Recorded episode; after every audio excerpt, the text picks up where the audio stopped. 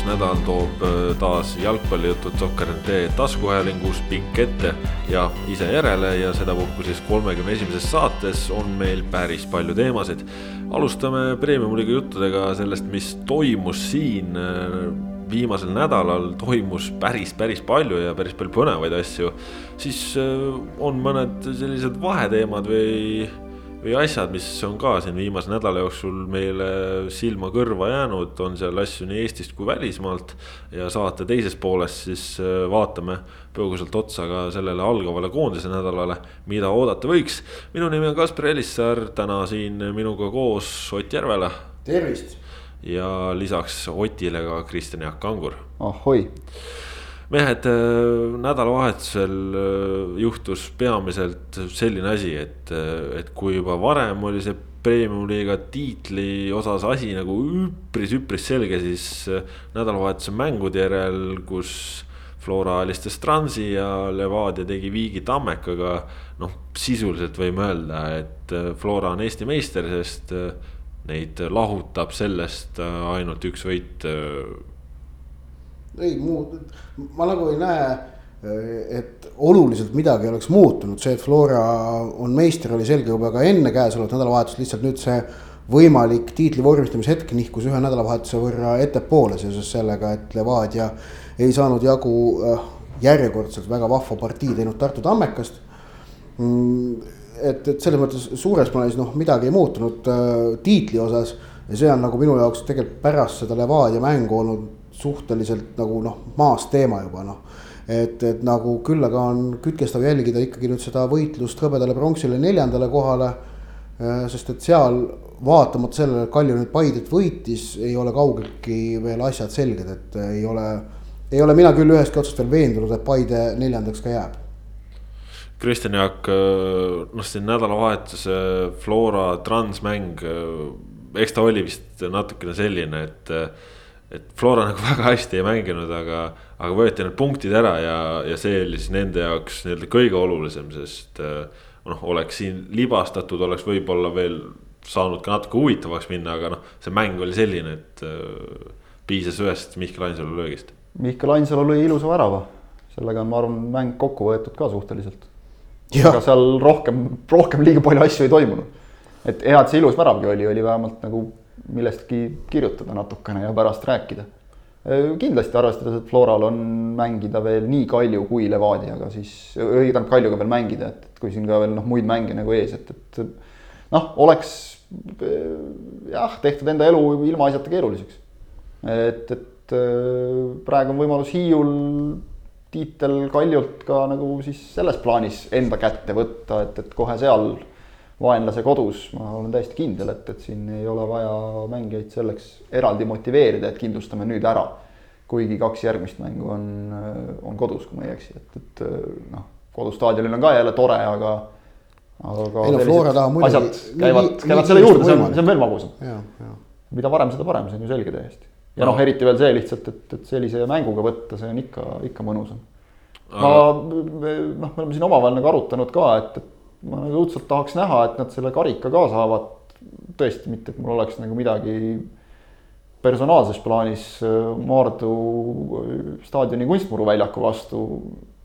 tore koht, ei ole viljeringe maas ega midagi, aga, aga noh, nagu natukene ilusam oleks kuidagi, kui Flora saaks oma karika kätte võib-olla viimases kodumängus nagu seda ja, mujal maailmas nagu... nii mõnelgi pool tehakse, et, et see oleks nagu noh, esiteks nagu Flora suhtes ilusam ja, ja teiseks nagu igas plaanis kaunim.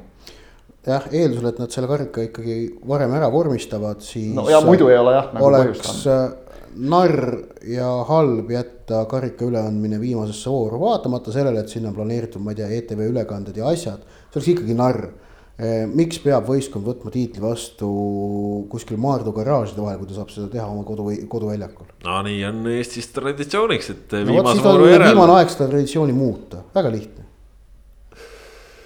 aga Ott äh, Levadia Tammekaga üks-üks viik ja. vaatasin telekast, väga hea mäng. nauditav mäng. ma ei saanud üldse aru, seal Poole stuudios Rimo Hunt ja Kristjan Kalkur räägivad, et ei olnud tore mäng ja midagi. oli küll. no nad olid kohal, neil oli külm lihtsalt. no okei okay. ja, ja noh, okei okay,, et siis ütles, et teine pool oli parem, minu arust oli esimene poolek ka juba hea ikkagi et selline korralik võitluslik jalgpall, noh nagu selline sügisetine mängud on, et tõesti, me ei pruugi näha siin mingit sellist ülivoolavat ja, ja sellist äh, elegantset jalgpalli, aga see-eest näeb väga sellist äh, tahtejõulist ja, ja sihipärast, kohati ka jõulist ja, ja põhimõttelist jalgpalli. Ja seda just see Tammeka Levadia, Levadia Tammeka just täpselt oli. aga noh, nüüd kuna tulemus oli üks-üks ja ja noh, mõneti oli seal lõpus ikkagi väravale lähe-, võiduväravale lähemal Tammeka, sest et noh, et see laabuse löök, mis latti läks, kui see oleks sisse läinud, see oleks lugenud, Morelli postilöök poleks lugenud, sest tolles olukorras võeti Ossipovil ennem viga äh, võitluses Andersoniga. tegelikult no. oli ka ju Levadial päris lõpus veel üks no, šanss, kus äh, Tkatšuk noh, sisuliselt no mitte tühjast väravast, mehed olid ees, aga, aga üle lüüa sealt oli keerulisem kui, kui raamidesse lüüa mina väidan siiski üle oli lihtsam lüüa enda praktikale toetada aga aga, aga nüüd sellest mängust järeldusi tehes, siis ähm, alustades Tammekast ähm,. On järjekordne näide muljetavaldavast tööst, mida Kaido Koppel on meeskonnaga hooaja jooksul teinud. ja ka sellest, kuidas äh, kompliment sellele, kuidas suudeti säilitada rahu pärast kevadel noh, tabanud suurt mõõna mille noh, võib öelda tipuks oligi ju siinsamas Lillekülas Levadialt saadud null seitse kaotus. Ehm, ja, ja kui Tammeka suudab ikkagi nüüd koosseisu säilitada ja seda noh, vastavalt mingile vajadusele kuidagi natukene siia-sinna tuunida, siis järgmisel hooajal nad on, nad on, nad on veel tõsisemad tegijad. ja, ja need on nagu järeldused Tammeka kohta.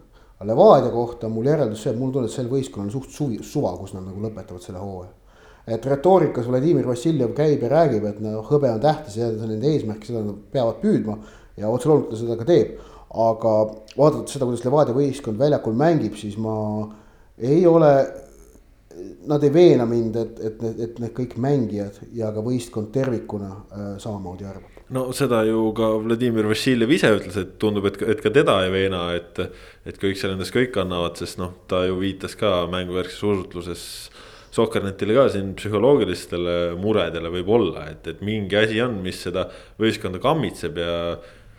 Ja noh, ütleme ongi, eks siin on praegu ise on oma elu ikkagi ülikeeruliseks ajanud, sest noh, kui me siin kaks nädalat tagasi rääkisime veel kulla konkurentsis olemisest, siis noh, praegu ei saa ju välistada, et äh, siin hakkab hoopis neljas koht terendama kui ma peaksin hetke vormi pealt, olles neid meeskondi vaadanud siin viimastes mängudes äh, pakkuma, siis, siis ütleks, et äh, Kalju, nii nagu nad on sel ajal võtnud nii-öelda nagu tati ja tahtejõuga neid, neid võite ja punkte ja, ja võtavad edasi. Ja, ja Paide samamoodi on äh, pigem soosikud teisele-kolmandale kohale. mängupilt ei näita küll kuskilt otsast, et, et kui siin omavahelised mängud on, mõlemal on Levadiaga mängida veel ehk et Levadial siis kaks sellist mängu ees ootamas et seal nüüd midagi noh, Levadiale kergelt tuleks, nad peavad üles ärkama lihtsalt, sellele viitas Vassiljev ka, et noh, löövad üks-null ära ja jalg sirgu. Paide kahjuks räägib üks asi, mis räägib kahjuks on see, et neil on nüüd omavaheliste mängudega nii Levadia kui Kaljuga on nad miinuses, Kaljuga on juba kindel ja Levadiaga, isegi kui nad Levadiat võidavad, nad on ikkagi miinuses, nad ei ole, ei ole võimalik mööda minna. ehk et äh, ja omavahelised mängud on need, mis siis võrdsete punktide puhul otsustavad pärast võitude arvu, kui ma nüüd õigesti mäletan peast. et eespool on veel tehnilised kaotused. siis on kohe omavahelised mängud, võitude arv või. tuleb hiljem. okei okay,, selge, et, et see on nagu Paide miinus antud olukorras aga räägimegi siis sellest Paide Kalju mängust, selline nädalavahetuse maiuspala ta siin justkui olema pidi ja, ja ega oli ka, sest ju mängu oli küll Paide noh, ütleme, et siis haaras mängulised ohjad Nõmme Kalju võttis mänguliselt punktid, ehk siis kolm punkti, üks-null võit. Max Mata värav seal Kaspar Pauri nurgalöögi järel. Kristjan Jaak, sa ise olid seal sündmuste keerises, mis ütleme, tähelepanekud sina sellest mängust kaasa võtsid, pidades just silmas, et need kaks meeskonda konkureerivad nüüd siis koos Levadiaga medalitele? ütleme nii, et et äh, ega see vale ei ole, kui Paide mehed äh, pärast mängu ütlesid, et äh, me olime parem meeskond väljakul, noh, mängulises plaanis. aga keda huvitab? otse öeldes, kahjuks nii on jalgpallis. pole tähtis. õnneks ikka ütleks. või no õnneks noh, jah. et jalgpallis on asjad nii, et, et, et juhuslikkust on palju. just, et et, et mis, mis, mis seal vahet on, Kalju võttis jälle punktid ja, ja minu meelest Paidel. Paide tegi väga palju asju hästi selles mängus, aga neil on olnud just ennekõike siis selles medalikonkurentsis võrreldes teiste kolme Tallinna suure klubiga puudu ja eriti pärast Alassane Jata lahkumist minu meelest äh, ründajast. Ehk et äh, Ander-Ott Valgelt oodata nüüd meeletult suuri tegusid on võib-olla veel natuke vara ja noh, Tarmo Nemelo tuli tema asemele üsna teise poolaja alguses Kalju vastu. Äh, Nemelo eks ilmselt no, põhiline eesmärk oli, oli jätta pall ette pidama, tal oli üks väga hea võimalus. ta lõi selle napilt mööda. ehk et noh, kogu lugupidamise juures Neemelo vastu, eks ta noh, on seda ise ka tunnistanud, et tast ei ole enam, eks ole, üheksakümne minuti meest ja. Ja noh, ta on ikkagi juba vahetusmees. et, et sellist rünnaku liidrit, umbes sellist nagu on äh, Kalju jaoks, äh, kelleks on Kalju jaoks kerkinud Max Mata. kes lööb ära ka sellised noh ütleme peaaegu nagu poolvõimalused nagu, nagu see värav oli, kus, kus tuli tegelikult ebaõnnestunud nurgalöök ja nagu kõik mehed jäid vaatama, tema oli esimene, kes reageeris. pani pea vahele ja pall oli väravas. Ehk Paidel kogu jah, see ülesehituse pool, kaitse pool, kõik see on, on täiesti okei. Okay.. et rünnak, noh, ütleme tipuründaja, see on koht, kus saab nagu veel sammu edasi teha. Aga see loomulikult ei tähenda seda, et mingites järgmistes mängudes, mis on, ütleme, võib-olla natukene kas, kas mõnel suuremal väljakul või kus vastane ei noh, Kaljul oli jah, oli enne mängu siin kõvasti arutamist meil ka, et, et kas minnakse neljase kaitseliiniga, kas minnakse viiese kaitseliiniga, noh. ega see asetus ei ole niivõrd tähtis, arvestades seda, et kui sul on seal väljakul ikkagi kaitsesse tõmmata Reintam, Lobai ja Kulinitš, kes noh, ikkagi pakivad nii-öelda selle karistusala täis. siis, siis on seal keeruline ja, ja see jäigi lõpuks äh, lahti muukimata, muidugi Paidel oli ebaõnne ka, neil oli tegelikult nii mõnigi hea võimalus, korra pall käis postis ka küll noh, välisküljest, aga ikkagi. Äh, aga, aga selle õige nagu otsustava torkeni ei jõutudki, ehk et minule vähemalt ei meenu, et oleks Pavel Londak ühtegi väga sellist suurepärast äh, tõrjet olnud sunnitud tegema. no samas võib-olla kõik oli tolles mängus siis natuke nii-öelda saatuse tahe või nii, sest noh. tegelikult ei saa ju öelda, et Paide oleks pärast Alassane lahkumist äh, vähe väravaid löönud, ehk siis.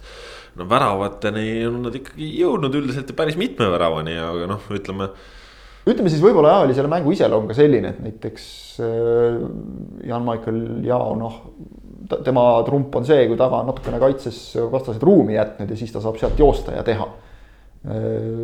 seekord seda ruumi tal eriti teisel poolajal veel, kui Kalju mängis ka kümnekesi ei olnud ja, ja sealt ka seetõttu väga palju ei sündinud, samamoodi Karl Mööl küll väga-väga hästi tõusis äärekaitsest, püüdis, proovis, tehti seal ülejookse ühelt poolt, teiselt poolt. aga ikka lõpuks oli üks Kalju mees veel ees ka Kalju väga noh, nagu Kožuhovski ka pärast mängu ütles, et nagu teadlikult valisid äh, kaitsva taktikat, selle osas tingiti nagu füüsilisest, äh, objektiivsest hinnangust meeskonna füüsilisele vormile pärast nelja kunstmurul peetud kohtumist äh, vähem kui kahe nädala jooksul. Aga, aga teisalt oli see ka selles mõttes ikkagi see on nagu selline loomulik ka, sellepärast me oleme näinud, kuidas nagu Paide mm, noh Paidele sobib, kui neil ikkagi on ruumi, kus nagu tegutseda, et siis nagu see keskväli, Frolov, Sinilaid ähm, saavad endal seda vurri paremini käima, seekord nüüd Luts ka. aga noh, Kalju oli tõesti niivõrd sügaval, niivõrd kompaktne, et ei olnud Paidel seal kuskil mingit ruumi. ning kuna tsenderdused kasti ei ole Paide jaoks, ähm, kõrged tsenderdused kasti just, ei ole Paide jaoks ikkagi selline noh, toimiv või ülearu viljakas tegevus, kusjuures ei olnud seda ka siis, kui Tarmo Neemelo oli väljakul, sest et ega Kalju keskkaitsjad tsenderdustega hätta ei jää, et noh, Reintam ja, ja Lobai said nendega kenasti hakkama. Äh, Reintam üldse minu meelest pärast Maximiliano Uige lahkumist väga edukalt võtnud üle kaitseliini liidri rolli Nõmme Kaljus ja, ja noh, tema kui, kui Kalju medali ära võtab, siis noh, mul on praegu juba tunne, et see Reintamise sügisene panus on olnud äh, täiesti ootamatult suur, arvestades seda, et ta ju hooaja esimese poole oli vahetusmängija rollis. et see, see on olnud muljetavaldav, et, et aga ühesõnaga jah, et, et Kalju see teadlik hoiak oli, oli, oli õige otsus, sellepärast et jah, nad suutsid Paide ära hoida. no Ott, Kalju on äh, liigas kaotuseta noh, suurusjärk aprillikuus, et äh, kas nad lähevad niimoodi lõpuni veel välja ka? seal on, neil on mängida Floraga ja mängida Levadiaga ju. et et noh, tõenäosus on alla viiekümne protsendi, et nad niimoodi lõpuni välja lähevad, puhtalt nende vastaste pärast. aga, aga noh, see seeria on muidugi muljetavaldav äh, ja, ja, ja kiiduväärne, aga noh, seda kaotuseta seeria puhul tuleb on ju meeles pidada, et see sisaldab endas ikkagi mm, tiitlinõudleja kohta lubamatult palju viike tabeli tagumise poole võistkondadega, mis tegelikult suures plaanis ei luba ju sellele seeriale positiivset hinnangut anda. see on, see on hea seeria ja see näitab teatud kvaliteeti, aga ei, me ei saa rääkida sellest kvaliteedist, mis on Kalju äh, retooriline eesmärk. kes medalist ilma jääb, Ott? mulle tundub, et kõige tõenäolisem on Paide, et jääb ilma. aga mingi kõhutunne ütleb, et see võib Levadia olla Kristjan, kes no, medalist ilma jääb? ma käisin Levadia välja, aga ma ei saa öelda, ma kardan, noh, selles suhtes, et see oleks nagu teiste suhtes ebaõiglane, et et milles nüüd Kalju ja Levadia süüdi on, aga ütleme nii, et, et Paide medalile tõus oleks lihtsalt nagu jalgpalli jaoks üldiselt väga positiivne, aga ütleme, et ikkagi arvestades, et neil on ka kaks rasket mängu ees, on täiesti võimalik, et, et nad ikkagi jäävad sellest ilma nii et te arvate, et Kalju, kes on siin tagaajana tulnud, et saab ikka medali? Kalju saab medali kätte, ma olen suht, arvan küll praeguse põhjal ja et, et. pärast seda tulemust arvan mina ka. Neil mingid asjad toimivad, neil sellest kolmikust vaata kõige paremini. okei okay., läheme siis siit tabeli tagumise otsa juurde, nädalavahetusel, eelkõige siis laupäeval kaks äh, väga põnevat mängu, tagumine nelik omavahel seal mängis, lõppes see kõik sedasi, et äh, noh räägime kõigepealt sellest, mis seal Saaremaal toimus. Kuressaare kodus tuleviku vastu viiendal minutil null-üks kaotusseisu. esimese poole lõpuks nad juhtisid neli-üks, teisel poolel nad umbes kuuskümmend midagi jäid üheksakesi. ja siis viimased pool tundi mängisid üheksakesi sedasi, et Viljandi tulevikul ei tekkinud reaalset väravalöömisvõimalust kuidas see võimalik on ja, ja kas sellega Kuressaare nüüd kindlustas omale natuke turvalisema oleku ja, ja ütleme, et ka liigasse püsima jäämise? Äh, turvalisema oleku jah, kindlustas, püsima jäämist ei, kindlasti mitte veel. arvestades, et äh, tabeli viimase neliku alles jäänud mänge vaadates on Kuressaarel no ikka pika puuga kõige keerulisem. sest neil on nüüd äh, praeguse siis nüüd võib juba öelda esikolmikuga ehk Tallinna suurtega kolm mängu ja siis Narva Transiga no ütleme, see viimane mäng Narva Transiga kodus, see võib olla lihtsalt selline, et, et kui nüüd äh, Trans kuskil veel koperdab ja Tammeka paneb hullu, siis või, või ka vastupidi, et, et Tammeka mitu korda veel komistab ja, ja Trans ise on juba selleks ajaks viienda koha kindlustanud, noh. siis võib Transil olla nagu natukene mott maas, aga, aga et nad nüüd midagi võtaksid äh, Flora või, või Kalju või siis Levadia vastu ma ausalt öeldes Kuressaare selle hooaja seniseid mänge vaadates ei näe nagu väga varianti ka. et noh, okei okay,, Kaljuga jah, nad on ka null-null mänginud, eks ole. ja ei no Transiga ka, ma ütlen, Transi vastu on nagu variant, Transiga noh, on, on nagu võimalik teha midagi. aga, aga et, et, et nad sealt esikolmikut midagi saaksid noh, nad tegid oma seisu jah, kindlasti mitte ainult tänu endale, vaid ka tänu Tallinna Kalevile, nad tegid äh, viimase koha osas nüüd palju-palju kindlamaks. aga ärme unustame, et kui me räägime püsimajäämisest, siis on ikkagi veel olemas ka üleminekumängud, et äh, et sinna on veel täitsa võimalik neil jääda küll, et, et noh. no ma ütleks. Maardul on vaja nelja punkti ja seda, et Kalev ei saaks mitte ainsatki, on ju. Ja sel juhul nad pääsevad viimasest kohast, sellepärast et omavahelistes mängudes on nad Kalevist ees Äh, väravate vahe alusel. et äh, noh, see tähendab seda, et noh, Maardu, noh Flora või Levadia käest nad punkte ei saa, see on nagu selge. ja, ja siis on tulevik ja Trans, et sealt mängudest neli punkti oleks neil vaja ja seda, et Kalev mitte ainsatki ei saaks. aga Trans on võõrsil, eks ole, nii just, just. keeruline no ma julgeksin küll öelda, et selle võiduga Kuressaare viimasest kohast küll pääsemise kindlustas, sest Maarduga nüüd vahe kuus punkti, neli vooru minna. ei näe varianti, ehk siis ja, ja ma seeläbi ütleksin, et nad kindlustasid omale ka koha kõrgliigas, sest üleminekumängudelt praegu seal tulgu Vaprus, tulgu Elva ei näe varianti no, ja, ja, ja seal ütleme, et mõlemal on endal ka, et, et kas ja kui palju nad tahavad sealt alt tulla. peaasi, et nad ise nii mõtlema ei hakka, et me nüüd kindlustasime püsimajäämise Kuressaare siis. ei, loomulikult tõenäosus on suur, aga noh, seal võib veel allpool asju juhtuda, mis seda konkreetset mängu puudutab, siis minu meelest juhtus see klassikaline asi, et äh, võistkond, kes lööb kiire värava, arvab, et nüüd on tehtud.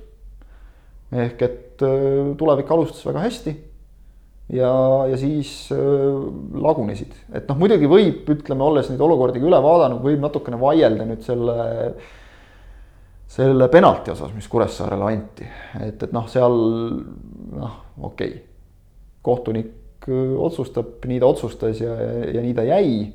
Äh, see, mis järgnes sellele penaltile, loomulikult noh, ei jäta nagu Viljandile absoluutselt mitte mingeid kohti ega vabandusi, mille taha pugeda, sest et, et see meeskond lagunes ikka täielikult ja just nii, nagu sa ütlesid, et äh, ega seal vahet ei olnud teisel poolajal, kas äh, kas tulevik mängis üheteistkümne mehe vastu või mängisid nad ühest hetkest kümne mehe vastu või mängisid nad mingist hetkest alates üheksa mehe vastu. Võimalusi luua ei suudetud endiselt, ei leitud Kaimar Saagi üles. prooviti mingite arusaamatute kolmekümnelt meetrilt tehtud kauglöökidega kahemehelises vähemuses olevat vastast nii-öelda murda. prooviti tsenderdustega kasti, kus Kuressaare oli karistusala täis pakkinud kui tsenderdajad on noh, muidu väga toredad mehed, Gerdo Juhkam ja Janar Õunap, siis noh, see, see ei ole nende ampluaa lihtsalt. pigem on nende ampluaa ollagi sealsamas kastis ja mingite standardolukordade ajal ja proovida sealt peaga lüüa, et. et, et see oli jah, tegelikult täiesti hämmastav, et nagu noh, kordagi tegelikult mängus ei tekkinud seda tunnet, isegi ka, ka pärast äh, teist punast kaarti et, et siit nüüd äh, tulevik tagasi võiks tulla, pigem olid äh, Kuressaare enda sellised äh, kahe mehe korraldatud vasturünnakud äh, väga ohtlikud ja, ja noh, Sander Laht, kes teenis, aitas teenida oma heade söötudega vastas, kaaslastele.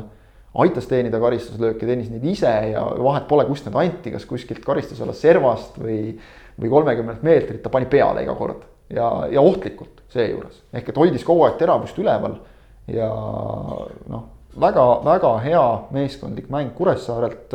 kaks korda nägime sel nädalavahetusel, nii laupäeval kui pühapäeval seda, et vähemusse jäänud meeskonda see hoopis mingis mõttes nagu äratab, mobiliseerib. nii Kalju kui, kui Kuressaare puhul see toimis, nii et Kuressaarele igati teenitud võit ja samas tuleviku jaoks ka, ega ju nende jaoks midagi läbi ei ole, nad on praegu äh, Kuressaare taga nüüd ühe punktiga maas, aga nendel nagu ütlesime, see no. graafik, mis ees ootab, on, on, on parim, et nendel on nii, nii Kalevi kui, kui Maarduga mängida ja noh, ütleme siin. ütleme, et nendel tegelikult midagi hullu ei ole ja, ja ma arvan, see oli selline normaalne väike sihuke tugev äratuskell, sihuke no,. jah, noh, ütleme jällegi, kui nad hakkavad nagu ise mõtlema, et noh, pole hullu, kaotasime, aga kõik on ikka tegelikult okei okay,, siis võib veel päris teravaks minna sest et äh, Kalev on ka tegelikult näidanud viimastes voorudes väga-väga korralikku mängu, et, et äh, ja noh, Maardul on täpselt see, et, et kustpoolt sel päeval tuul puhub parajasti, et nad võivad ka olla selleks hetkeks juba liigast välja langenud, aga aga minna ikka seal tulevikule vajutama, nii et. no Kalev on siin huvitav, lähme ka nende juurde. Nad siin vahepeal mängisid äh, suurtega, Levadiaga, Kaljuga, andsid ikka kõvasti tuld vastu. nüüd mängisid oma kaalukategoorias äh, satsiga ja, ja ikkagi lasid seal ennast äh, noh ma ei tea, mõnes mõttes keeru-, keerulisse seisu mängida jah, et, et. terve hooaeg on niimoodi olnud, mäletame kevadel ka, Kalev andis Kaljule kaks väga head lahingut, on ju aga, aga on pidevalt olnud raskustes äh, tagumise neliku äh, duell, sisestes duellides. nii et ähm, see on selle võistkonna, noh, noore võistkonna ilmselt üks paratamatus, et seda ebastabiilsust on väga palju ja. ja noh, nüüd lihtsalt on neil vaja loota, et kõigest hoolimata sellest piisab, et liigakoht säilitada, et noh, selge on ka see, et kui see Kalev selle liigakoha säilitab siis järgmisel hooajal ollakse oluliselt targemad, kogenumad ja, ja stabiilsemad noh, kui Hannes Anier selliseid väravaid lööb, nagu ta nüüd Maardu vastu lõi kasti tagant vasakuga risti, et noh, siis. siis võib igast ilusaid asju juhtuda, aga, aga Ott, noh, Maardu tegi siin nädala keskel sellise lükke, et Andrei Borissov, peatreener, saadeti minema. oli sellisel lükkel siin hooaja lõpus veel mingisugust mõju, mõtet? Hiljaks jääda, kui seda oleks tahetud teha, siis oleks seal noh, augusti lõpp, septembri algus on see kant, kus nagu veel kannatab treenerit vahetada, et et Levadia tegi seda enne Tallinna derbit, siis võis ka minu arust seal öelda, et tegelikult, et oldi juba natukene hiljaks jäädud, kui see otsus nagu oli, tahtmine oli seda teha, et sama hästi oleks võinud seda siis mitte teha um,. et, et noh, seal on, seal noh, tagantjärele tarkus praegu Rogitši ametisse jätmisega oleks ja, ja kusjuures ka klubisiseselt äh, mõista andes, et võimalik, et äkki Rogic jääb ka järgmisel hooajal kõigest hoolimata. oleks saanud äh, nõnda öelda ora tagumikus hoida kõigil Levadia mängijatel, sellepärast et, et see, see oleks võib-olla võimalik, et mõjunud motiveerivalt. aga nüüd noh, naastes Borissi juurde, et selgelt liiga hilja jah, et noh, et kui nad tahtsid mingit muudatust teha, siis liiga hilja ja. ja lisaks noh, asend-, asendajaks toodi mees, kellel ei ole mitte mingit varasemat kogemust ette näidata ja, ja keeruline on näha, kuidas ta suudaks seal võistkonna sees selle autoriteedi saavutada, mis paneb selle võistkonna oluliselt rohkem pingutama. teadmata täpselt asjaolusid, siis noh, ilmselgelt midagi kääris Maardus juba siin tükk aega tagasi, kui oli esmalt see Borissovi kahenädalane puhkus. ehk et Äh, noh, siis oli selline seis, et, et tegelikult olid Maardu tulemused nende kohta olnud väga korralikud, ehk noh, treeneri vallandamine ilmselt siis kuidagi tundus sel hetkel kuidagi nagu halb valik, tehti selline noh, nii-öelda poolkõva lahendus. Mark Olk kaks mängu juhendas, siis tuli jälle Borissov kaheks mänguks tagasi, siis nüüd jälle noh, sihuke asi nagu ma ei usu, et see meeskonnale nagu väga hästi saab mõjuda. et äh, kõrvalt vaadates on jäänud natukene selline mulje, et, et Borissov on selline noh, nii-öelda vanakooli sihuke raudse käega treener. eelmistel hooaegadel, kui Maardu mängis esiliigas, ärme unustame, noh nad võitsid enamikku mänge. siis on palju kergem taluda seda, kui, kui treener on, on sihukese raudse haardega. nüüd, kui seis kiskus sandiks siis ilmselt, vähemalt on mulle jäänud nagu mulje, et, et noh, ka meeskonna sees tekkis mingi teatav rahulolematus ja noh, see on alati teada, et, et kui nii-öelda treeneril noh, läheb nii-öelda meeskond käest ära, siis noh, üldiselt seda nagu tagasi pöörata on, on praktiliselt võimatu. ehk äh, ilmselt mingil hetkel see juhtus noh, siin on nagu nii mõnigi Maardu mees ka vist kuuldavasti on, on nagu vähe, vähe pahane olnud, et tema jälle mängida ei saa, ehk et noh, seal, seal on mingeid siukseid sisemisi käärimisi ja mingisuguseid asju, et, et jah, oleks tahtnud selle noh, nii-öelda lööme nagu korraks nüüd lehe puhtaks ja, ja proovime lõpus teistmoodi, siis oleks võinud selle ära teha juba, juba, juba mitu kuud tagasi, selle liigutuse. ja, ja nüüd noh, eriti kui ma kuulan nagu argumenti, et, et Borissovile seati eesmärgiks kaheksas koht ja ta ei suutnud seda täita. et see on nüüd siis nagu vallandamise põhjus, et mul tekib küsimus, et, et vabandust, et noh, jällegi, et mille pealt hooaja alguses nagu eesmärgiks seada kaheksas koht, eriti kui, nagu me siin ka rääkisime, et, et sel hooajal vaadates esiliigas mängivaid Vaprust ja Elvat, kes nüüd tõenäoliselt on need, need meeskonnad, kes äh, tulevad, kui nad tahavad üldse, eks ole, kõrgliigasse tulla või kandideerida sellele pääsmele.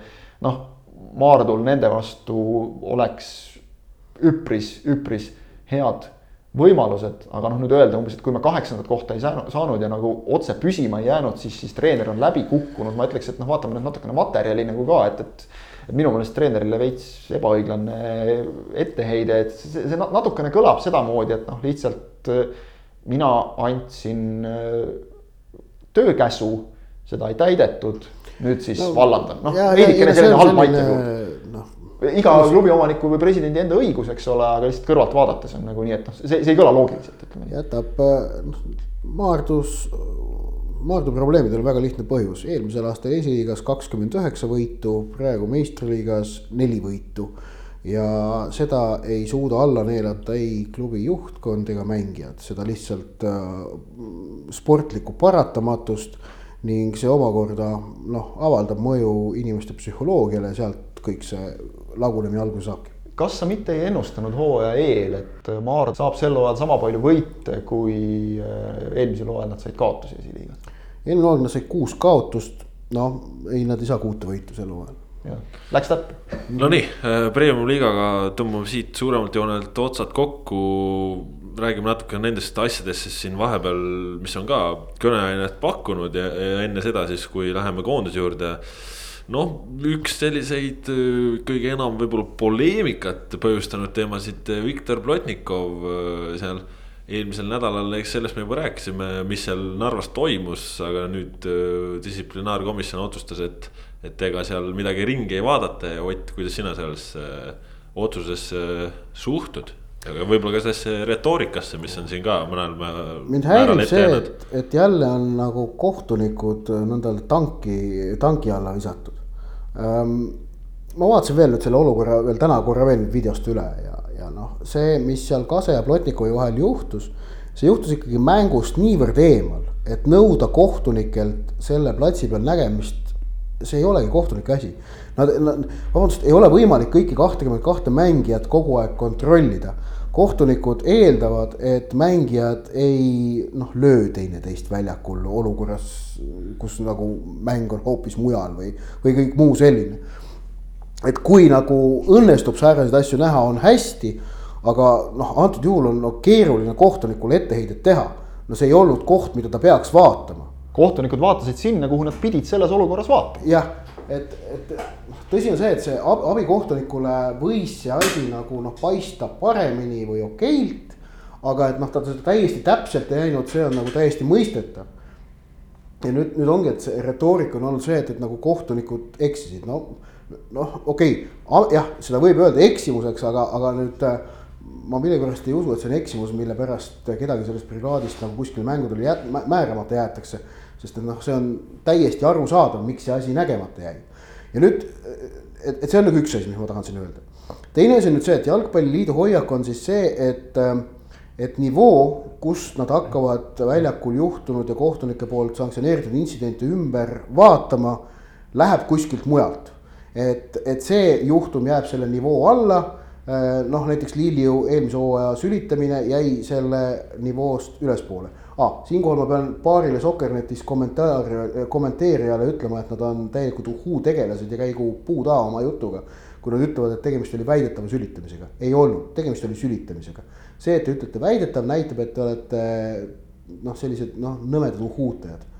ei ole vaja sellist juttu, piinlik, häbi äh,. aga jätkates nüüd äh, tulles tagasi siia Plotikovi juhtumi juurde, ehk et jalkaliit on leidnud, et see on nende jaoks nii-öelda allpoolsed nivood ja, ja, ja kui nüüd midagi siin kritiseerida, siis ongi see, et, et minu arust noh, et kriitika objekt peab olema see nivoo. mis on jalgpalliliidu jaoks see koht, kust sekkutakse tagantjärele ja vaadatakse asju ümber ning äh, kust ei sekkuta. Äh, jalgpalliliit otsustas siin ei sekkuta, minu meelest oleks pidanud, et see oli, see oli, ta on seal piiri peal, aga ta minu jaoks läks nagu natukene ikkagi üle selle nivoo. aga see on noh, ja see on nojah, jah noh, see on, eks ole, distsiplinaarkomisjoni valik, kuhu nad selle joone tõmbavad, aga, aga ma olen sinuga selles mõttes nõus, et. et kui sedasama Liliu juhtumit võrrelda, jah, ütleme nii, et noh, sülitamine on selline äärmiselt kuidas öelda, teisele vastu, poolele äärmiselt alandav. selle, selle vastu on jalgpallis juba aastaid kehtinud totaalne nulltolerants, seda karistatakse igal pool maailmas tagantjärele ka, see oli selles mõttes mustvalge juhtum. jah, see oli väga mõistlik. aga samas kui ma nüüd praegu vaatan, et, et noh, see, see ei olnud mingisugune praegu mingisugune ähvardamine, sõimamine. ma võrdsustaks selle ikkagi, see noh, Plotnikov üritas Martin Kaset lüüa tegelikult peaaegu kaks korda, eks ole, näkku konkreetselt. et, et kui ta nüüd ütleme, oleks Kasele nagu noh, reaalselt pihta saanud näiteks. Kase oleks saanud peapõrutuse sellest, jätnud Kalju mängu vahele, ütleme nii, et noh, kas siis oleks määratud no. tagantjärgi karistus, siis, siis oleks mõjutanud. samas me teame ju nagu jalgpallis ka, et selleks sa ei pea vastasel jalal uutpooleks sõitma, et näha punast kaarti, eks ole. et, et minu jaoks tekitab nagu natukene küsimuse ka, selle küsimuse ka, et, et miks me nüüd siis nagu tõstame või noh, jätame siis selle nagu täpselt allapoole seda, seda taset, et see oli ikkagi selge, et noh, ütleme suhteliselt nagu oma olemuselt räige rünnak, sõltumata sellest, mida Kase enne tegi ilmselgelt noh, see, see paar oli telepildis, ilmselgelt Kase ei rünnanud Plotnikovi sellisel moel nagu Plotnikov teda, see oli räige rünnak vastase vastu ikkagi. et ja see, kas nüüd kohtunik nägi või mitte, seal oleks võinud tõesti selles mõttes otsusega kohtunikku aidata, et kui sina ka tõesti ei märganud, siis me tagantjärgi aitame sind, see annab praegu minu meelest väga vale signaali ja kuna ka nagu räägiti sellest, et me ei taha luua mingit pretsedenti just nagu selle kaamerapildi ülevaatamise osas, et, et kuna meil siin on mõne aasta pärast äh, mingi videokohtunik või mis iganes kujul tulemas, noh, minu meelest see ei ole praegu absoluutselt oluline, las ta tuleb siis, kui ta tuleb, eks ole, seniks võtame neid asju nii, nagu nad on ja see konkreetne Plotnikovi liigutus, täpselt samamoodi nagu tegelikult ka Lilju sülitamine oli ju täiesti selgelt, ilmselgelt tuvastatav videopildi põhjal. Seal ei olnud ju mitte mingit kahetimõistmist, et võib-olla kuskil midagi toimus, sealt oli kõik täiesti selgelt näha, sul on materjalid olemas, sa ei kasuta neid. minu, minu jaoks isiklikult jääb see arusaamatuks ma võtaks ka võib-olla asja kokku sedasi, et oleks ju jube lihtne lahendada, et, et nii-öelda sellised punased kaardid, ütleme, et mis on nagu jalgpallilised olukorrad, keegi kuskil niitis sisse, jalg oli liiga kõrgel, läks selja tagant.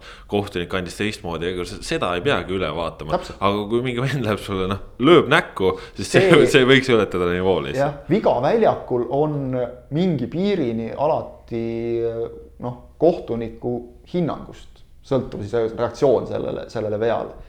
siin, kui sa lööd mänguvälises olukorras, lööd vastast, see on, see on reglemendis konkreetselt kirjas, noh. see, see on lihtne, see on punane kaart. ma mõtlen, et huvitav kas.... näide, näide ongi, et noh, et äh, kõik need asjad, mida siin Juri Tšuk ja Jevgeni Ossipov on siin tegelikult teinud, mis on olnud väga inetud teod. Ossipovist on neli punast kaarti sel hooajal, aga nende kõikide puhul on ikkagi olnud tegemist noh, ütleme jah, on tehtud vastasele viga, mitte ei ole mindud teda lööma Need on kaks erinevat asja. see on väga suur vahe. mõned, mõned need Ossipovi vead on olnud nii rõvedad, et noh, et noh, hoia kahe käega peast kinni äh,. siis ja, ja see Katšuk ka siin korra või kaks on sellistega hiilanud tänavu. aga hiilanud jutumärkides, aga need olid siiski jah, need olid äh, noh. nii-öelda tegemist oli ikkagi sportliku protsessiga äh,. kus mängija kaotas enda tegevuse üle noh, mõistuse üle, mõistuse üle kontrolli ja tegevuse üle ka aga see siin ei olnud sportlik protsess, löömine ei ole sportlik protsess, see on, see ei ole poks, see on jalgpall. meenub veel üks hiljutistest mängudest üks olukord, kus tuleviku ja Levadia mängus Gerdo Juhkam tema selja taga maas lamanud Kandot. noh, üks ütleb lõi, teine ütleb, et, et oli võib-olla mingi liigutus, noh ka jällegi, eks ole, ei pea selleks tingimata vastast noh, kauti lööma, et, et et kaarti saada, kas see oli kaamera pildis, ütleme okei okay,, seal sai nagu veel vaielda selle üle, et, et noh, kuna täpselt nagu kaamera ei näidanud, et võib-olla võib-olla oli, oli ka Kando poolt näitlemist, aga siin ei olnud ju mitte mingit näitlemist, löök tabas ka selgelt, mitte nii tugevalt, kui Plotnikov tahtis, aga, aga tabas. vot nii palju sellest teemast, põgusalt käime naistekoondise juures, suurepärane tulemus, tulemus võõrsil Türgiga null-null viik. Ott, kui suur üllatus sinu jaoks oli, et selline tulemus välja võideldi? tead sa, no ühelt poolt nagu puht nagu loogiliselt võttes muidugi üllatus, et ikkagi noh mitte nüüd tohutult palju tugevam, aga ikkagi eeldatavalt selgelt tugevam vastane, võõrsil äh, ja saada tulemus ja pluss veel ka noh, vaadates statistikat, siis noh, mängul ülekaal oli Türgil muidugi tohutu. Äh, no mitte noh, tohutu, noh, väga suur. Äh, et selle poole pealt nagu ikkagi üllatus muidugi ja, ja noh, see arusaadav on ka see täiesti läbinisti kiiduväärne tulemus aga teisalt ma ikkagi tooksin välja seda, et noh, need mängud, mida me siin nägime eelmises koondise pausis, nii see null seitse Hollandiga kui ka võõrsil oli vist null neli või null viis Venemaaga, mis see oli? null neli, mälu, mälu järgi ütleks. et, ähm, et seal oli näha, kuidas öelda, mingit nagu paradigmaatilist nihet äh, et Jarmo Madikainen, kes on mõnda aega saanud oma tööd teha peatreenerina, et ta oli, ta oli suutnud tekitada mingisuguse sellise uue mõttemaailma selle naiskonna sisse ja selle ümber. sama asja me kunagi nägime, kui ka Keith Bonas oli saanud mõnda aega oma tööd teha, me nägime samasugust nagu noh äh,, muudatust toona. ja, ja paistab, et Madikainen on nüüd selle saavutanud ja selle põhjalt võttes noh, ei saa öelda. ma ei, ma ei saa öelda, et see, see poleks olnud üllatav, aga äh, see, sealt on näha mingeid neid loogika, loogilisi põhjuseid, miks see tulemus saavutati ja nüüd muidugi noh, homme siis Tartu Tamme staadionil Kosovoga, et noh, eks see null-null viik tõstis nüüd ootusi, kuigi ega Kosovo nüüd lihtsam vastane kui Türgi ilmselt ei ole ja, ja noh, ka, ka sealt oleks viik kindlasti õnnestumine jah, Kosovo puhul ütleme, see FIFA edetabeli koht ei, ei ole, ei ole jah, nagu reaalsusele vastav, et nad on tegelikult tugev naiskond ja. ja kes homme siis Tartusse ei jõua, saab seda mängu otsepildis vaadata Soccer.ee vahendusel. Ene-, eneseusk minu meelest on võtmesõna antud juhul ja, ja seda paistab, et tõesti Madi Kainen on toonud sellele naiskonnale. no ja, ja eneseusk, ei ma toon seal veel mõne sõna, töömoraal äh,.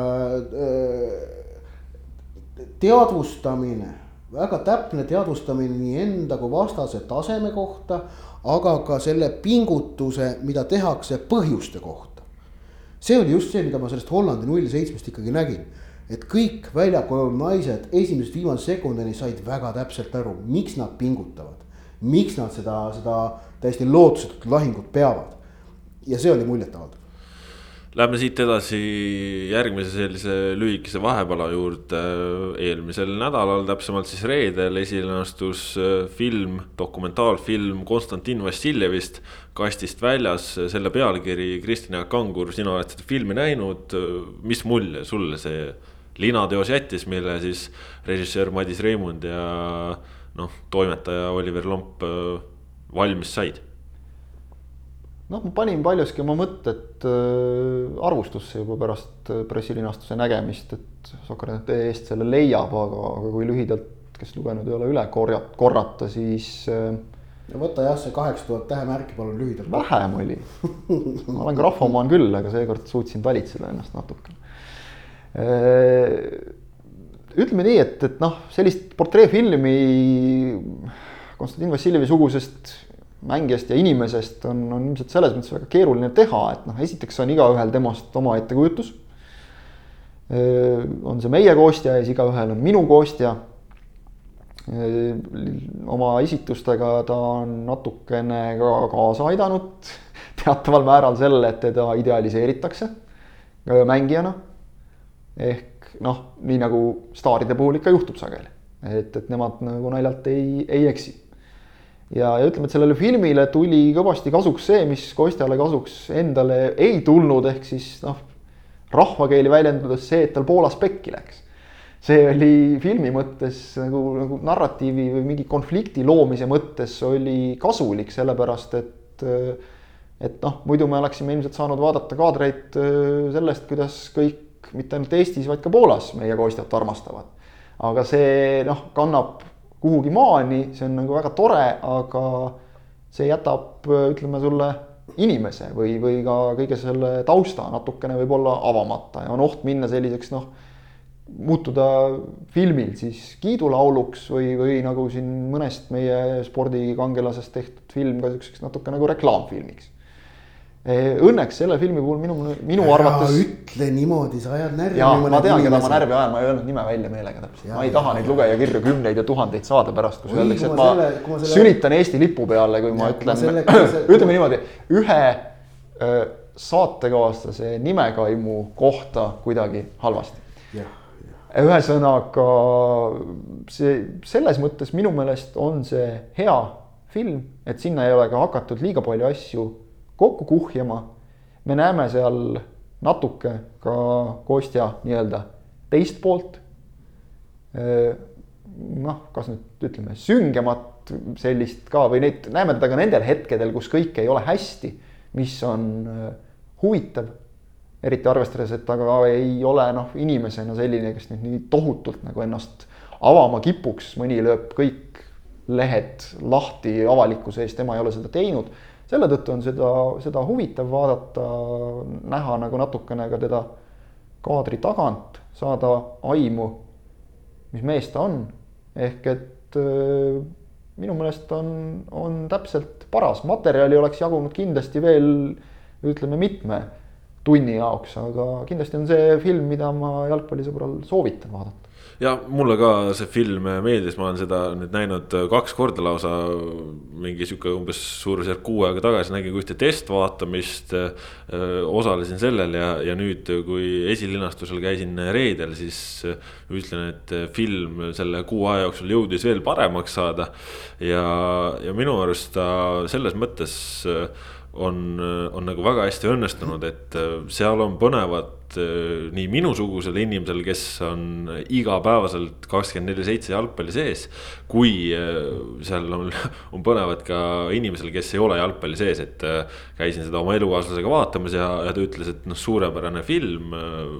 tal oli huvitav, noh, seal on mõistagi on mingeid ka naerukohti on väga palju selliseid momente, kus mängitakse emotsioonidele, mida suuresti on ka Kostja ise külvanud, ma arvan, see õnnestus päris hästi ja samas noh, nagu sa ütlesid ka, Kristjan, et, et ta ei muutunud kiidulauluks, sest seal noh, mulle endale tunnetuslikult just täpselt õigel hetkel tuleb äh, loosse sisse see paradigma muutus ja samas ikkagi jah, nagu ka sa juba ütlesid, et, et me näeme noh, kasvõi seda tema pere külge noh, ütleme, et ta pere ei ole varem väga palju figureerinud kuskil üldse, on ju, et nüüd me neid näeme.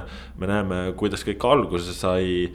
Ma arvan, väga õige tegu on, on siin tehtud seoses sellega, et ei hakatud kogu tema karjääri seal kokku hekseldama, sest see lihtsalt oleks olnud võimatu ülesanne, võeti selged nii-öelda fookused, millele keskenduti. ma arvan, see õnnestus hästi ja, ja kindlasti see on vaatamine, mida ma soovitan. ja noh, nagu sa ütlesid, et materjali ilmselt väga palju ja oleks mahtunud rohkemgi, siis äh, tõesti see materjal, mis üles võeti, oli seal kuskil kolmkümmend viis kuni kolmkümmend kaheksa tundi, film on üks tund. aga väike hea uudis võib-olla Sokkerneti kuulajatel, lugejatel ka, et, et osa sellest materjalist, mis äh, filmist välja jäi. nüüd siin äh, lähiajal meie portaalis Soccernetis ka avaldame, siis saate võib-olla natukene veel äh, sügavamale minna sellega seoses. ma ütleks, et me näeme seal võrdlemisi ehedalt inimest, kui portreefilm seda suudab, siis on see film õnnestunud Ott, sina küll figureerid seal filmis, aga sa ei ole ise seda filmi veel ja, näinud. lindistuse lõpetamisel ma vaatasin, et kuusteist kümme on Mustamäe kinos on, on seanss, et ma loodan sinna jõuda. mida sa ootad? Ei, noh, mis nüüd ennast ma, ekraanil. ei no ennast, ennast ekraanil, okei okay,, see on muidugi alati tore vaadata, on ju, see, selle nimel ma üldse ainult funktsioneeringi ei, aga tegelikult äh, ma ütlen ausalt, mind äh, asi, mida ma tahan näha ja mis mind huvitab, on, on ikkagi võrdlusmoment Ott Tänaku filmiga. mis oli minu jaoks reklaam, mitte dokumentaalfilm. Äh, ja, ja ma tahan, ma tahan, ma tahan seda võrdlust vaadata, et see on minu jaoks see, mida ma ootan, jah vot saame siis teada, Ott kindlasti pärast meile ütleb ka, millised emotsioonid temal siis on, seda te küll saatest ei kuule, aga, aga kindlasti kuskilt mujalt võib-olla selle info saate. nii palju sellest teemast, läheme kiirelt nüüd ka välismaa jalgpalli juurde. No Inglismaal oli selline nädalavahetus, et seal toimus päris palju põnevat ja Ott äkki sa natuke räägid meile sellest, mis toimus ja miks toimus? no Inglismaal toimus ju väga palju põnevat, sellepärast et noh, et äh, kuuest eeldatavast tippklubist äh, neli olid äh,, said osaks väga noh, emotsioonide rohkele nädalavahetusele.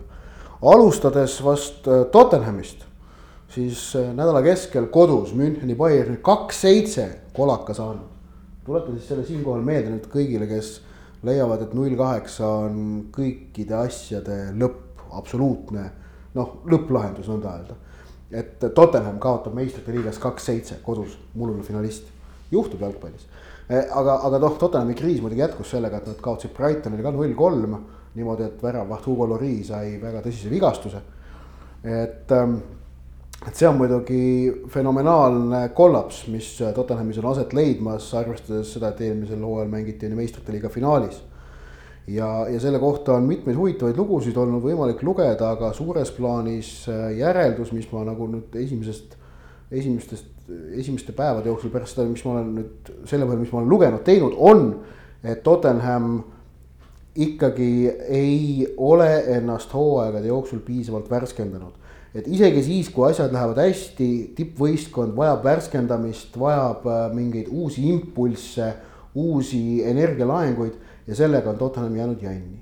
ja nende seis on noh, huvitav vaadata, mis, mis, mis nad, mida nad siis teevad, kuhu nad jõuavad. Pochettino vallandamine pidavat maksma klubile umbes kolmkümmend miljonit naela, nii et no seda nad vaevalt teevad kohe siis äh, Liverpool, kes äh, saavutas siis Leicesteri üle kaks-üks võidu olematust penaltist äh,, aga ja, ja Manchester City, kes siis ootamatul kombel kaotas Wolverhampton Wanderersile null-kaks ehk et nende kahe tulemuse kombinatsioon, no muuseas kõik Liverpooli fännid on muidugi närvis, kui ma ütlen olematu penalti sellepärast ma ütlen veel kord, sellepärast ei saa erinevalt Facebookist või mingist internetist ei saa siia midagi kirjutama ega, ega plõksima tulla, et see oli täiesti olematu penalti.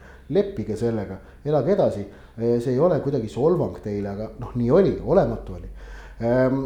aga, aga need Liverpooli ja City tulemused. aga ta ju oli ikkagi.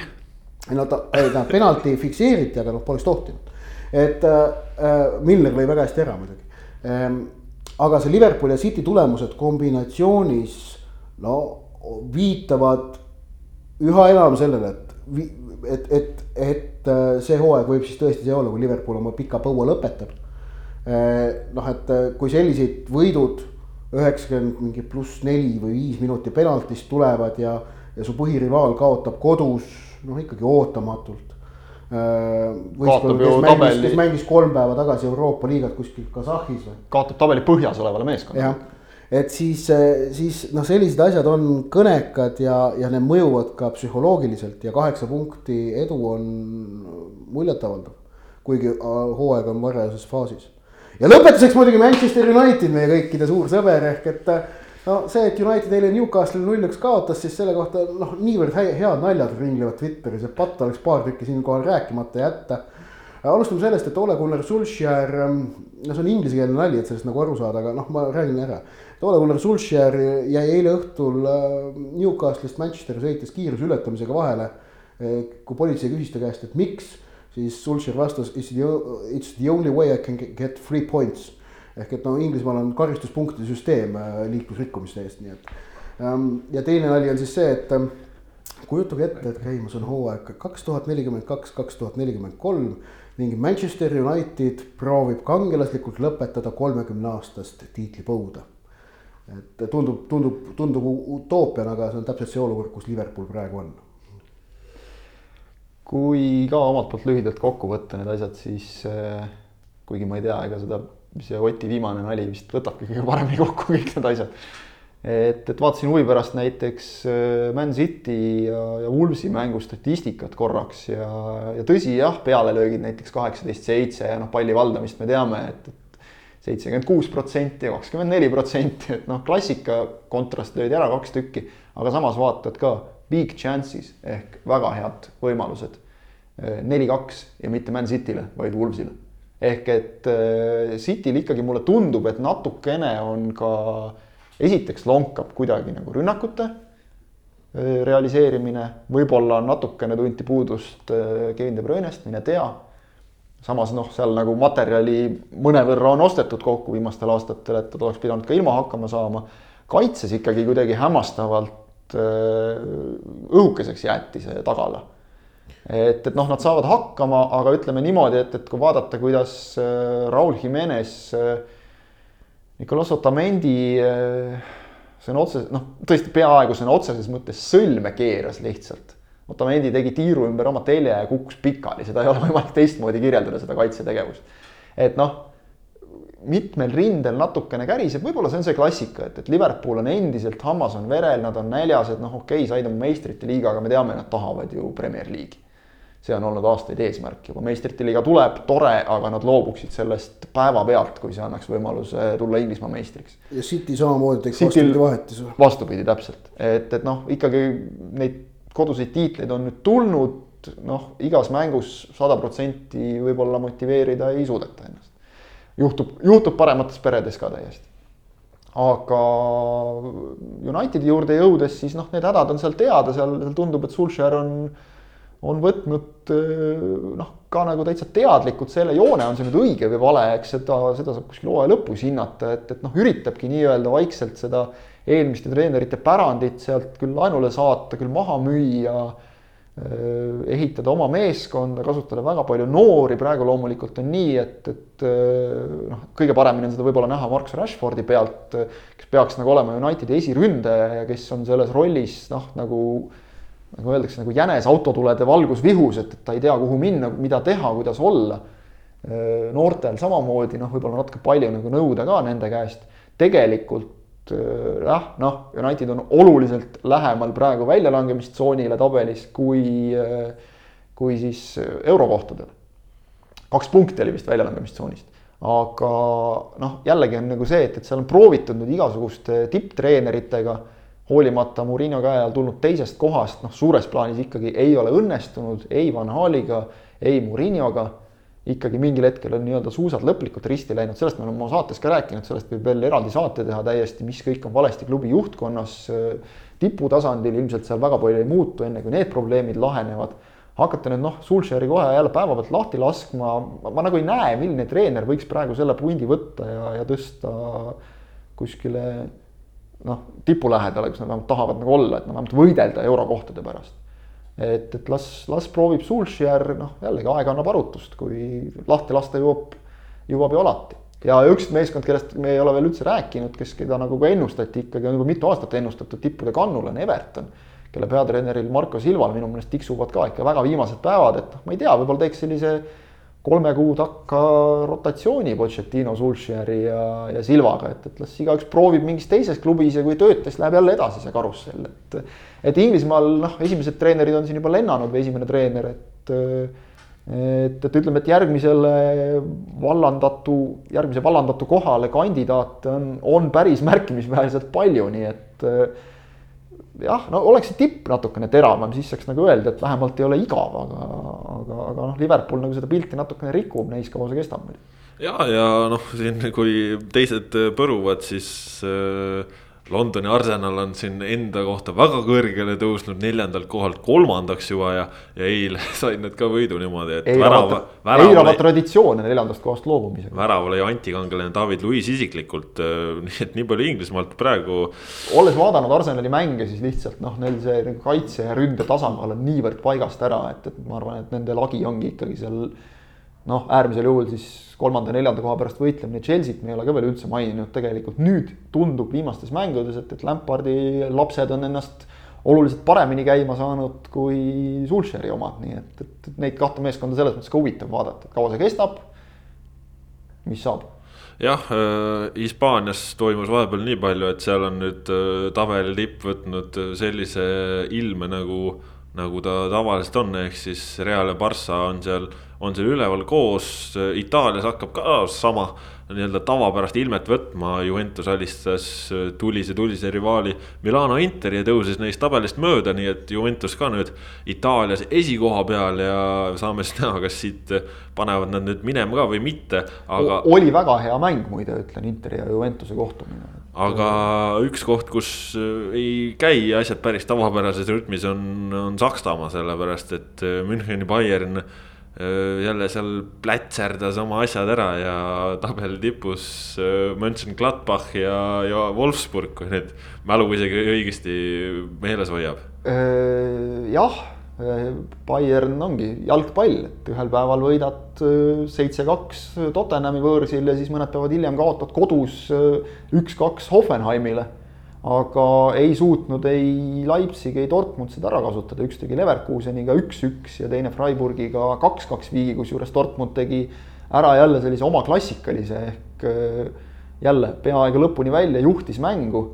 Äh, kaks korda läksid juhtima ja mõlemal korral lasid viigistada, teist korda Manuel Akanji suhteliselt totakast oma väravast, nii et äh, Dortmundil ütleme noh, endiselt tabelis ei ole hullu midagi, on nad praegu tipus olevast Gladbachist ainult nelja punkti kaugusel üldse tegelikult, isegi kui vaatan kümnenda koha Berliini Hertha on kümne punkti peal ja ja liidril Gladbachil on kuusteist, noh, Bayernil neliteist, Leipzigil ka ja, ja Dortmundil kaksteist, ehk seal midagi otsustatud ei ole, väga põnev liiga. seitsme vooru järel muidugi jälle vara mingeid järeldusi teha, aga, aga noh, eks me oleme neid selliseid hooaegu enne ka näinud ja siis lõpp on ikka see, et nagu ikka, mängitakse üheksakümmend minutit jalgpalli ja siis Saksamaa võidab, et kui Saksamaal mängitakse, siis võidab Saksamaa niikuinii ja siis võidab Bayern lihtsalt, et et näis, kas see nii ka läheb, aga, aga jälle selline vahva meeldetuletus täpselt selle jalgpalli mitmepalgelisuse kohta, et, et seitse-kaks ja siis üks-kaks. nojah, jah, Tottenhamil läks samas võtmes ikkagi. Neil läks jah, neil läheb üldse samas rütmis, Tottenham minu meelest oli vist äh, selle kalendriaasta jooksul nendest meeskondadest, kes nüüd mängisid äh, Premier League'is nii eelmisel hooajal kui ka sel hooajal, et nii halvasti ei ole mitte ükski meeskond esinenud, mis on ikka. no United ikka on ju. suhteliselt, äh, suhteliselt müstiline. United ikka on ju. Unitedit päästab see minu meelest see Sulsheri okay, okay. võitude periood, nemad äh, on jah, ütleme ka halvad, kõva võitlus käib, kes on kehvem no kõvasti juttu oleme ka täna jõudnud ajada, aga meil on üks teema veel, mis äh, vajab tähelepanu ja see on Eesti koondis, sellepärast et algas koondisnädal, mis toob meile võõrsil mängu Valgevenega, Eesti koondis juba täna Minski lendas. homme lähetame sinna ka kaks saates viibivat Kanguri ja Järvela. aga noh, ja siis nädala lõppu tuleb muidugi suur-suur kodumäng Saksamaaga. aga võib-olla mõistlik läheneda teemadele sedasi peale, et siin on praegu nüüd noh, selle võib-olla ka Sergei Leppmetsa sügise ja, ja ka Tammeku vastu tehtud prohmaka valguses kerkinud kerge arutelu. kes võiks olla Eesti koondise esiväravaht ja, ja võib-olla siis sellest johtuvalt ongi mõistlik natukene juba spekuleerida, et äh, kuidas Eestis neljapäeval Valgevenes mängima peaks, et need punktid kätte saada. noh, eeldatavasti mängustiilis, kui sellises küsimust ei ole, näeme seal ikkagi taga neljast liini ja ees ühte, ühte ründajat ja ja siis kõik see muu tuleb sinna juurde, et on ta siis neli, kolm, kolm, neli, kaks, kolm, üks, kuidas kellelegi, kuidas seal täpselt midagi joonistatakse, et seda saame näha. selle jaoks spekuleerida natuke liiga vara, aga noh, niimoodi laiemalt võttes siis Ott, mis sa arvad? väravahi olukorda vaadates siis äh, ja vaadates seda natukene laiemalt, kui nüüd konkreetselt äh, kolme koondisesse või nelja koondisesse kutsutud väravahi puhul, et Aksalu pidi vigastuse tõttu kutsusest loobuma ja tema asemel Meerits vaadates veidikene pikemat perspektiivi, siis, äh, siis noh, seal on üks selline võtme, võtmefiguur, kellele on pandud suured ootused, on ju Karl-Jakob Hein. kes on siis teatavasti Arsenali akadeemia või U kakskümmend kolm võistkonna väravvaht.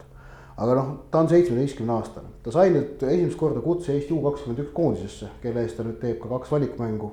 eeldatavasti vähemalt ühe neist siis ikkagi mängib, on ju et, et noh, ma olen siin-sealt kuulnud, miks ta ei võiks juba A-koondises olla ja ja, aga noh, seal on, ütleme nii, et, et äh, ei ole nagu mingit põhjust kiirustada või rapsida. ei lähe mitte midagi kaduma, kui noh, ja, ja me ei tea praegu, mis ta tegelikult võimed on, et, et U kakskümmend üks koondis on praegu hea koht. aga selge on see, et, et sellises noh, mingi nelja-viie aasta perspektiivis on ju olemas lootus, et temast äh, tõuseb koondisele uus pikaaegne esiväravaht, kelle noh, võimed on võrreldavad äh, Mart Poomi omadega, mis ja ma mõtlen selles mõttes just, et see, kuivõrd tähtis eh, tugitala ja kuivõrd tähtis nurgakivi oli Poom omal ajal Eesti koondisele eh,. sel ajal, kui ta, kui ta mängis. ehk et, et, et need nagu lootused on, aga noh, sinna on ikkagi veel aega. ja nüüd on vaja sellist noh, ütleme mõneks aastaks vahepeal on ikkagi vaja mõnda muud esiväravahti.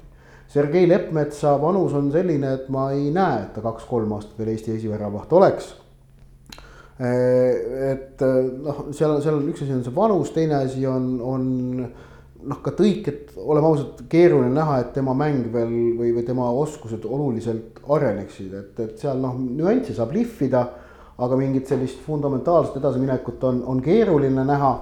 Äh, ja, ja samas noh, tõsi on see, et Matvei Igoneni puhul noh, Eesti väravahtide treenerid siin mitmed räägivad, et tema potentsiaal on ikkagi väga, väga hea tema edasiminek minu meelest Floras oldud nüüd nelja kuu jooksul on olnud kolme kuu jooksul, kolme kuu jooksul. kolme pigem jah. juuli, august, september on, on olnud ikkagi silmnähtav, tõsi, kindlasti on seal mingid vead, mingid, mingid nüansid, mida saaks veel paremini teha e,. E, aga tema on kõige tõenäolisem vastus sellele, kui me otsime praegu väravahti Eesti koondisele järgmiseks kaheks, kolmeks, neljaks aastaks kes oleks selline stabiilne esiväravaht. ja, ja nüüd on, me oleme olukorras, kus selles valiksarjas pole enam mitte midagi võita ega kaotada. no oleme ausad, okei okay,, noh, et kui nüüd Valgevenet õnnestuks neljapäeval võita, siis on variant alagrupi viimast kohta vältida noh, tore, aga suures plaanis no väga tähtis ikkagi ei ole, on ju et, et äh, ma nagu näen küll põhjuseid ja võimalusi, miks võiks Igonenile nüüd sellel sügisel anda esimesed äh, sellised äh, valikmängud. Ja järgmise aasta Rahvuste Liigas, järgmise aasta sügisel oleks juba tema siis loogiliselt võttes koondise esiväravaht. kui noh, alati on see, et siia protsessi võivad sekkuda mingid ootamatud nüansid, et noh kas Aksalu või Leppmets, ma ei tea, tõuseb tõesti kuidagi nagu eriti silmatorkavast heasse vormi või, või Igonen ikkagi ei saa sellele Flora poolaastale nüüd loogilist jätku, et noh, et ta on ikkagi ju Lilleströmi mängija. ehk ta läheb pärast seda hooaja lõppu põhimõtteliselt, me eeldame, et ta läheb Lilleströmi tagasi, aga kui ta seal näiteks ei saa enam mängida, et siis muidugi asjad muutuvad, aga aga, aga noh, ühesõnaga selline mõte küll, et, et ma tahaksin näha neljapäeval Minskis väravas Matvei Igoneni kaitses on ka meil küsimused üleval, tõenäoliselt parem äärekaitses ei ole küsimust üleval, seal mängib Taio Tõniste. nagu ta ikka seda teeb, vasakul kaitses mängib tõenäoliselt Artur Pikk, nagu ta praegu väga heas mänguhoos on olnud ja. ja ma arvan, üks keskkaitse on ka paigas, Karol Mets, sellele vihjas ka koondise peatreener Karel Voolaid juba juba nädala eest, kui see koondise nimekiri välja tuli, sest Ragnar Klavan, värskelt veel korra isaks saanud mees, jääb koondisest eemale ja, ja on ju Valgevenes mängukeelu all ka Joonas Tamm, ehk siis kedagi on sinna Karol Metsa kõrvale vaja.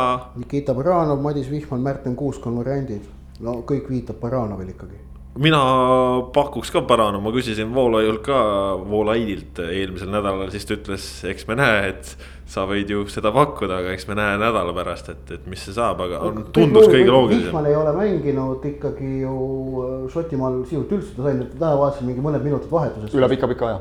jah, ta ei saanud vahepeal koosseisugi ja Märten Kuusel valikmängu praktikat ei ole, et ta ikkagi noh, Märten Kuusk noh, igasugune loogika ütleb, et Märten Kuusk mängib Ukraina vastu maavõistlust novembris.